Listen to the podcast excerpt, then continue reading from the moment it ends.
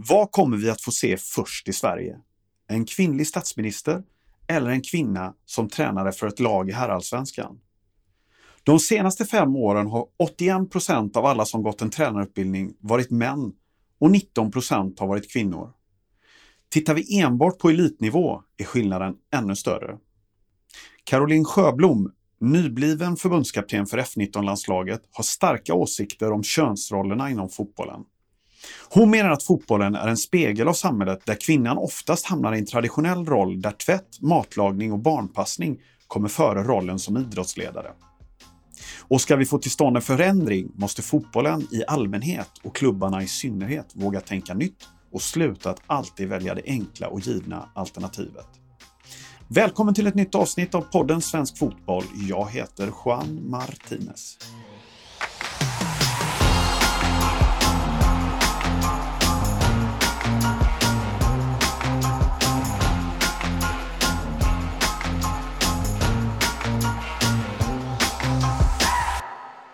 Då hälsar vi Caroline Sjöblom välkommen till podden Svensk Fotboll. Nybliven förbundskapten för F19-landslaget till och med, eller hur? Berätta! Ja, det stämmer. Det stämmer. Det är offentligt nu. Eller innan var det lite inofficiellt, men nu är det offentligt att jag tar över F19-landslaget efter Anders Johansson.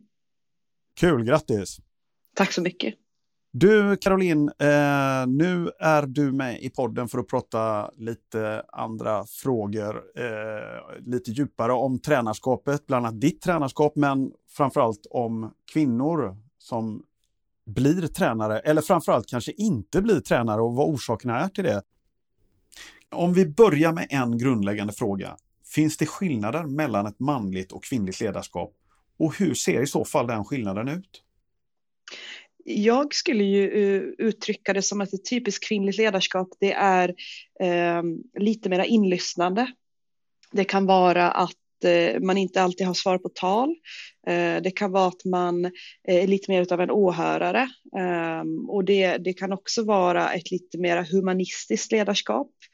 Ehm, det kan vara att man ehm, väljer att Eh, variera sitt sätt att, att lägga ut sin pedagogik under träningen. Eh, det kan också vara att man bryr sig mer om vissa saker som kanske inte är manlig. Det, sen, sen behöver det inte vara det, för nu generaliserar jag, men att man bryr sig mer, mer om, om vissa saker än vad en manlig gör.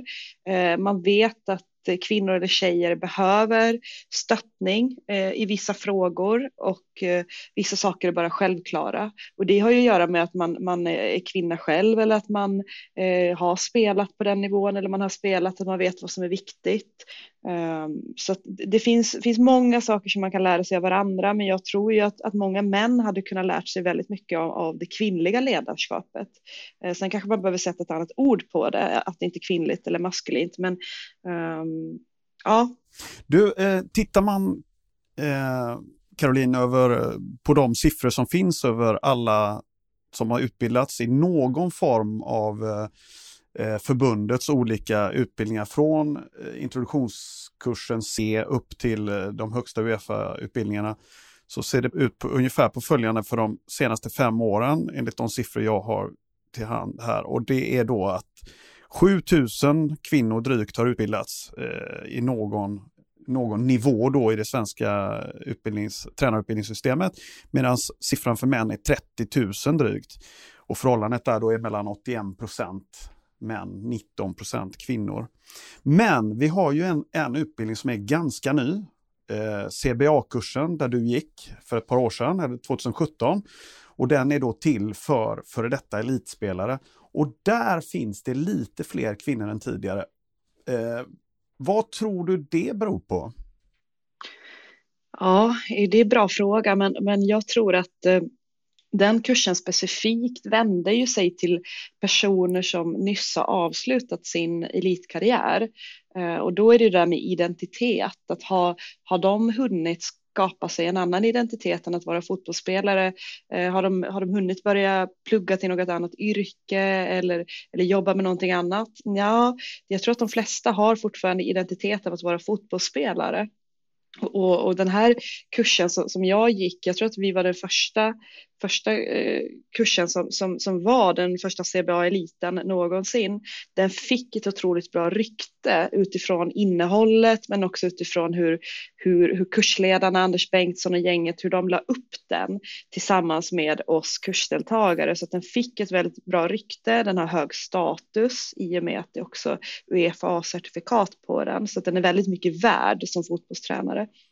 Ehm, och, och, det häftiga var ju att vi var väldigt många tjejer som, som, som, sökte den och vi kom in och vi också var, var ju kanske eh, de, de främsta i klassen. Vi var nog kursettor, flera, flera av oss tjejer som gick den. Um, och, och, och det som är så häftigt också är ju att, att få sitta och prata med likasinnade, att få prata med, med kvinnor som också är lite nördiga inom fotboll och prata med kvinnor som, som har, har samma intresse. Sen har jag ingenting emot att, att sitta med, med bara killar och, och prata också, men, men för mig var det ganska, jag var trött på att hela tiden vara ensam kvinna i sammanhanget. Jag var trött på att sitta ensam kvinna på, på fotbollsmöten, um, att vara ensam kvinna på kurser, det kan vara att man är ensam bland 20 män. Det behöver inte vara något stort problem, men ibland är det skönt att ha någon annan som också är från samma värld, som också är från damfotbollen och, och gjort samma resa. Ehm, så, så på något sätt så, så, tror jag att man söker sig eller man väntar till man får tillfälle att gå den här kursen istället för att gå själv som, som ensam tjej på en, en vanlig distriktsutbildning. Eh, jag vet att i din kull var ni sju kvinnor eh, av totalt 19. 12 eh, män, 7 kvinnor. Sen dippade det lite. Du gick 2017 genomgick du den här utbildningen och sen dippade det lite grann 2018, 2019. Det var ganska få kvinnor. Och nu senast i år så har det varit fem kvinnor av 18 deltagare. Men tittar man totalt på den här CBA-utbildningen då som är ganska ny ändå, bara funnits i fyra år. För jag tror att du var första kullen Karo? Jag... Mm, jag var första kullen, ja. precis. Så har det ändå gått 17 kvinnor då, 17 tjejer och 47 killar. Eh, vilket ger till hand att 27 procent ändå eh, är, är kvinnliga deltagare då. Och kan då faktiskt träna på minst eh, nivån elitettan damer och division 1 herrar från och med nästa år. Eh, är det där vi har framtidens elittränare på, på både tjej och herrsidan tror du? Eh, ja, både ja och nej. Eh, för att eh, den här frågan eller diskussionen hamnar jag ganska ofta i om behöver du ha varit elitspelare för att bli en, en bra elittränare? Du behöver inte ha varit det, för det är inte säkert att du har hela paketet, att du är en pedagog eller att du faktiskt är duktig på att lära ut eller leda. Men du har ofta väldigt mycket till god och på grund av att du har varit där, du vet vad som krävs, du har ofta spelförståelsen med dig som är jätteviktig som tränare. Så att ja, jag tror att det här är rätt väg och framförallt för kvinnor så tror jag att det här är rätt väg. Att som jag sa innan, att få vara med likasinnade och slippa gå kanske distriktsutbildningarnas alla trappsteg och vara ensam tjej eller två tjejer av, av, av 20 stycken eh, helg efter helg och, och, och kurs efter kurs för att det kan tära på en. Eh, framförallt om man inte är den där som vågar alltid armbåga sig fram eller när det är en fotbollsdiskussion att man vågar tysta någon annan så att man ska få prata, få chans att få lite luft. För det är ju så i de här sammanhangen att alla vill visa vad man går för och, och oavsett tjej eller kille så vill man ju berätta sin idé och, och vågar man inte då så här, ah, men nu, är det mitt, nu är det min tur att visa min formation här och nu är det min tur att visa varför vi ska spela yttre korridor. Då kan det bli lätt att man sitter tyst där. Men är det mera dynamik inom gruppen och den är, den är mera liksom fördelad jämnt med, med, med könsroller så tycker jag det blir bättre. Det blir bättre möten, det blir bättre gruppdiskussioner för att det blir, det blir mera spännvidd på diskussionerna än om det bara är ett kön. Caroline, hur ser du på förhållandet ändå att det är 81-19 mellan män och kvinnor när det gäller någon form av fotbollsutbildning? Eh, om vi tar och C utbildningen då, eh, C-diplom som är den eh, introduktionskursen idag i, i den svenska tränarutbildningen, så är det lite högre nivå. Men där borde väl kvinnor kunna gå in, alltså när man tränar 6-7-åringar. Vad är skillnaden? Det ska ju vara så lekfullt och varför händer det inte mer där? Ja, det, det är en bra fråga. Um jag tror ju tyvärr att det, det är de här eh, könsrollerna som jag var inne på innan med, med hur samhället är uppbyggt. Att eh, någon ska gå tränarutbildningen men någon ska också vara hemma med barnen. Någon ska se till att det är mat på bordet eller att tvätten är tvättad och strykt och allt vad den är. Vilket gör att eh, det är ofta mannen som är den som, som åker till fotbollsplanen med döttrarna eller sönerna och håller i träning och så får mamman eller den andra göra eh, saker i hemmet. Så jag tror tyvärr att, att bara den liksom normstyrningen av samhället påverkar fotbollen väldigt mycket. Sen är det också det här att som vi sa att kvinnor behöver ta för sig. Ehm, det är inte säkert att den här mamman eller den här kvinnan eller den här unga tjejen eh, ens vågar ta för sig för att den känner ingen som har gått en C-tränarutbildning. För att det är ju för få som har gått så att det finns liksom ingen så här positivt rykte om den här utbildningen heller. Att gå den här, det här är jättebra utbildning, det, det är väldigt bra för dig om du ska träna, träna de här små tjejerna eller om du ska börja träna dina barn och så vidare. Så det finns liksom ingen så här positiv aura över att gå den här utbildningen. Och sen är det det som jag var inne på innan med att det är distrikten som äger tränarutbildningen hela vägen upp till Uefa A, då tar Svenska fotbollsförbundet över. Och det gör ju att distrikten har, de har ofta en administratör som ansvarar för utbildningen. Och den här administratören den har ju ingen strategisk roll över att till exempel se över hur får vi in kvinnliga tränare. Utan den, dens uppgift är att bara fylla platserna. Eh, och det skönaste är väl om platserna blir fyllda så snabbt som möjligt så kan man boka lokal och tränarutbildare. Eh, och här tror jag man behöver se om, man behöver se över hela det här att finns det några med maktpositioner på distrikten eller behöver det vara Svenska fotbollsförbundet som äger den här frågan ännu mera? Och hur ska vi se till att vi får in kvinnor? Alltså vilken strategi ska vi använda? Eh, har vi rätt Eh, utbildningstrappa? Vad, vad, behöver vi? Eh, är det för många helger för de här kvinnorna? Eh, tar det upp för mycket tid? Kan vi göra det mer digitalt? Hur, hur känns det för en tjej att gå ensam med 20 män? En utbildning till exempel. Så man behöver tänka om och man behöver jobba mycket mer strategiskt och inte bara låta det rulla på och tro att kvinnorna kommer att söka bara att det finns platser. För, för det vet att de inte gör. Och där har det blivit dags för några snabbfrågor till Caroline Sjöblom. Hur ställer du dig till kvotering till tränaryrket, ja eller nej? Uh, jag säger nej till det, men jag tror att uh, just det som jag pratade om där, om, om att kanske uh, lag i Sankt Erikscupen i Stockholm eller ute i landet, att de här yngre lagen, att man på något sätt skulle behöva sätta in någon typ av certifiering att för att få spela matchen så behöver det också finnas en kvinna i ledarstaben med på, på vid eh, bänken, vid avbytarbänken. Eh, sen är inte kvotering, men, men att det behöver till någonting för att eh, se till att föreningarna jobbar med det. Skulle du tacka ja till att ta över herrlandslaget om du fick frågan i framtiden? Ja, Rekommenderar du unga tjejer som vill bli tränare att göra det? Eller säger du ta en funderare? Kör, ut och testa och misslyckas och lär dig. Kör så, så kommer det bli bra. Vad tror du att vi ser först i Sverige? En kvinnlig statsminister eller en kvinnlig tränare i herrallsvenskan? Ehm, jag tror tyvärr en kvinnlig statsminister, men tätt därinpå så blir det en kvinnlig tränare i herrallsvenskan. Du Caroline, bara det faktum att du och exempelvis eh, Elisabeth Gunnarsdotter i Kristianstad eller nyligen då domare Tess Olofsson får frågor om och uppmärksammas just för att ni är kvinnor som har nått långt inom fotbollen. Hur ser du på det? Är det? Blir det ett mentalt hinder också att man hela tiden pratar om det? Eh, ja, alltså jag har ju blivit så van så att jag, jag funderar inte så mycket på det längre för att det, liksom, det, det har varit med mig hela vägen som jag har varit tränare eh, och det var ju aldrig med mig när jag jobbade inom HR. Det var ju aldrig någon som jämförde mig eller mina kollegor bland kön, men i fotbollen så har jag ju varit jämförd konstant eh, för att jag är kvinna och för att jag är duktig. Um, och det som är lite synd är att vi, vi får ju hela tiden uppmärksamheten för att vi är, är, duktiga kvinnor som har gjort någonting och att det inte är fokus på att vi, vi är duktiga tränare. Eh, sen, sen, tror jag det väl är så medialt så vill ju media också lyfta fram kvinnor så att det finns ju någonting positivt i det också. Att, att det är därför de väljer mig istället för kanske en man när de gör intervjuer eller reportage för de vill, de vill belysa att det finns duktiga kvinnor så att det finns också positiva eh, liksom, effekter av det. Men eh, ja, alltså jag, jag, undrar ju hela tiden varför vi är så få och, och varför det inte är tolv huvudtränare i damallsvenskan som är kvinnor.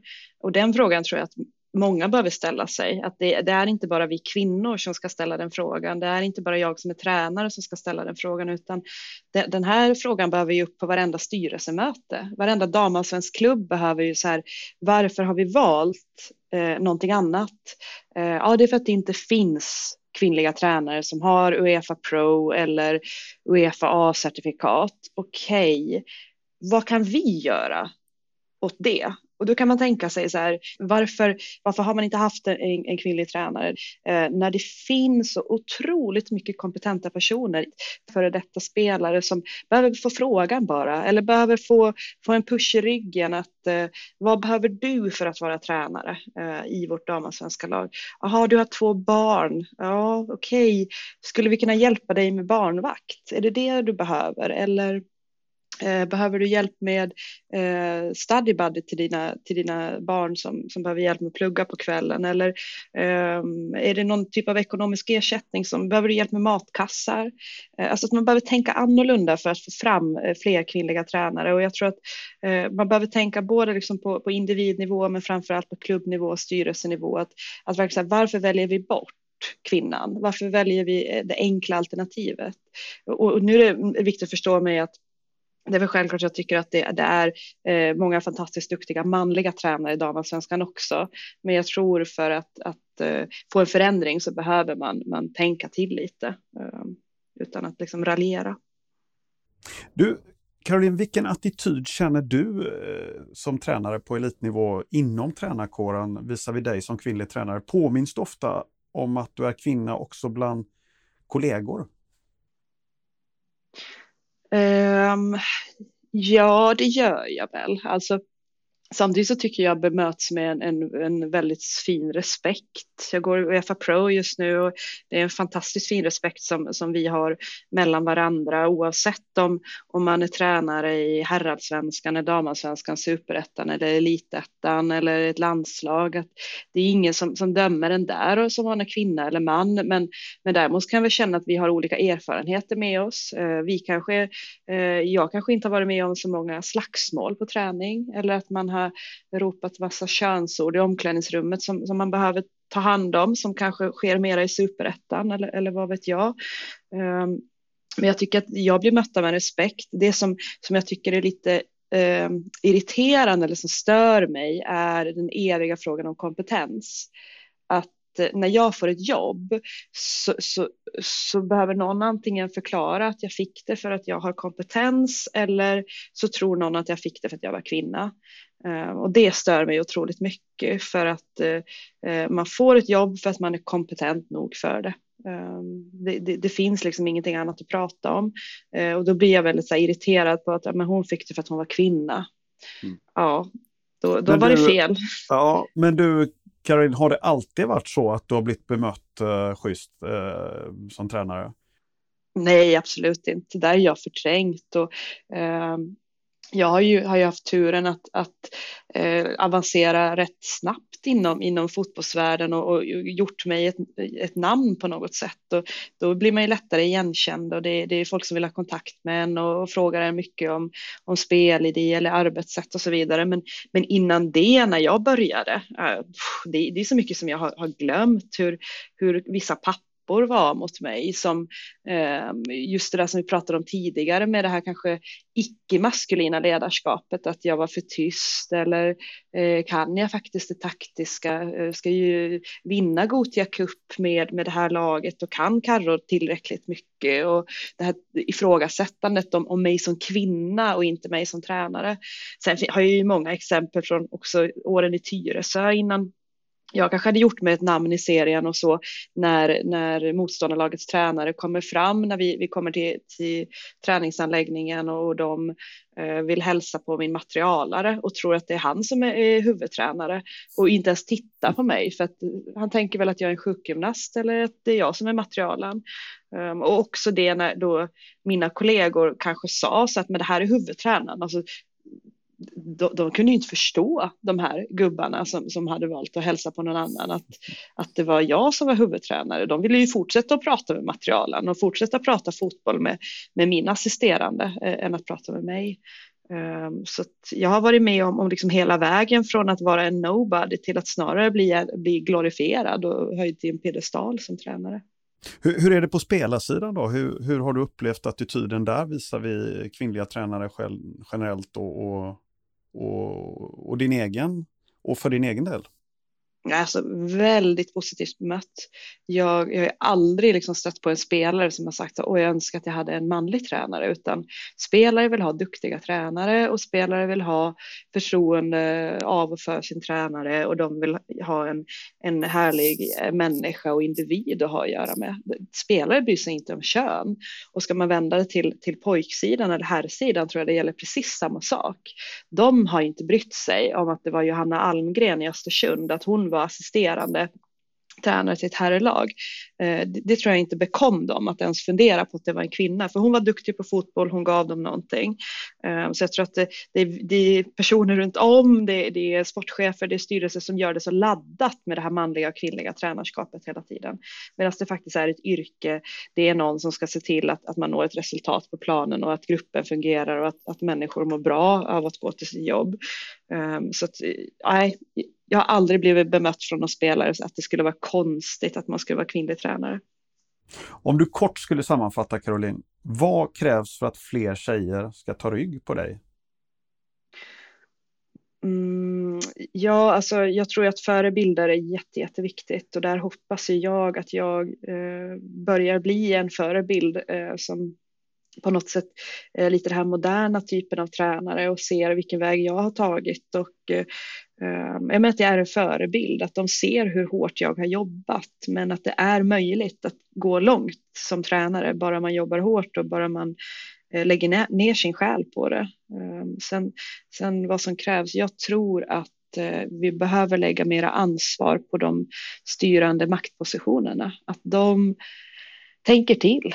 Sen förstår jag att det är svårt som en ideell styrelse att veta vilka vägar man ska gå för att få in fler tjejer. Men, men utse någon då, utse en, en, en före detta damfotbollsspelare, att hon får eh, fundera på sin kammare och, och, skapa ett nätverk. Att vad, vad behöver vi göra i den här föreningen för att få fler kvinnor att bli tränare? Behöver vi tänka annorlunda? Eh, jag vet att Stockholms fotbollsförbund har till exempel samarbetat med föreningar nu i Stockholm där man åker ut till fotbollsskolorna, alltså de här första tillfällena som barnen kommer i kontakt med fotboll. Och då har man mammagrupper så man informerar de här mammorna om eh, det här är fotboll och så här träna, kan man träna. Eh, det här är de här övningarna man kan jobba med och Eh, vi stöttar dig och vi hjälper till. Eh, så att man liksom, de får skapa ett eget litet nätverk, de här mammorna, och få känna att de är 10-12 stycken som, som faktiskt sitter i samma sits och de har en dotter eller son som vill spela fotboll. Och det är helt okej okay att det är den här mamman som är tränare för, för det här laget. Eh, och de blir stöttade av, av någon specialisttränare från föreningen. Så jag tror att man behöver eh, tänka annorlunda. Det är det som krävs. Det var svårt att sammanfatta det där kort. Ja, Caroline. det var det. Ja. Caroline Sjöblom, stort tack för att du gästade podden Svensk Fotboll. Tack själv för att jag fick vara med. Och lycka till i framtiden med din tränarkarriär. Tack så mycket. Du har lyssnat på podden Svensk Fotboll och Caroline Sjöblom, F19-landslagets förbundskapten. Har du några frågor, funderingar eller idéer du tycker att vi bör ta upp? Tveka inte att höra av dig till oss på podden svenskfotboll.se. Det är tillsammans med alla er runt om i fotbollssverige som vi gör svensk fotboll lite bättre varje dag. Jag heter Juan Martinez. Tack för att du har lyssnat.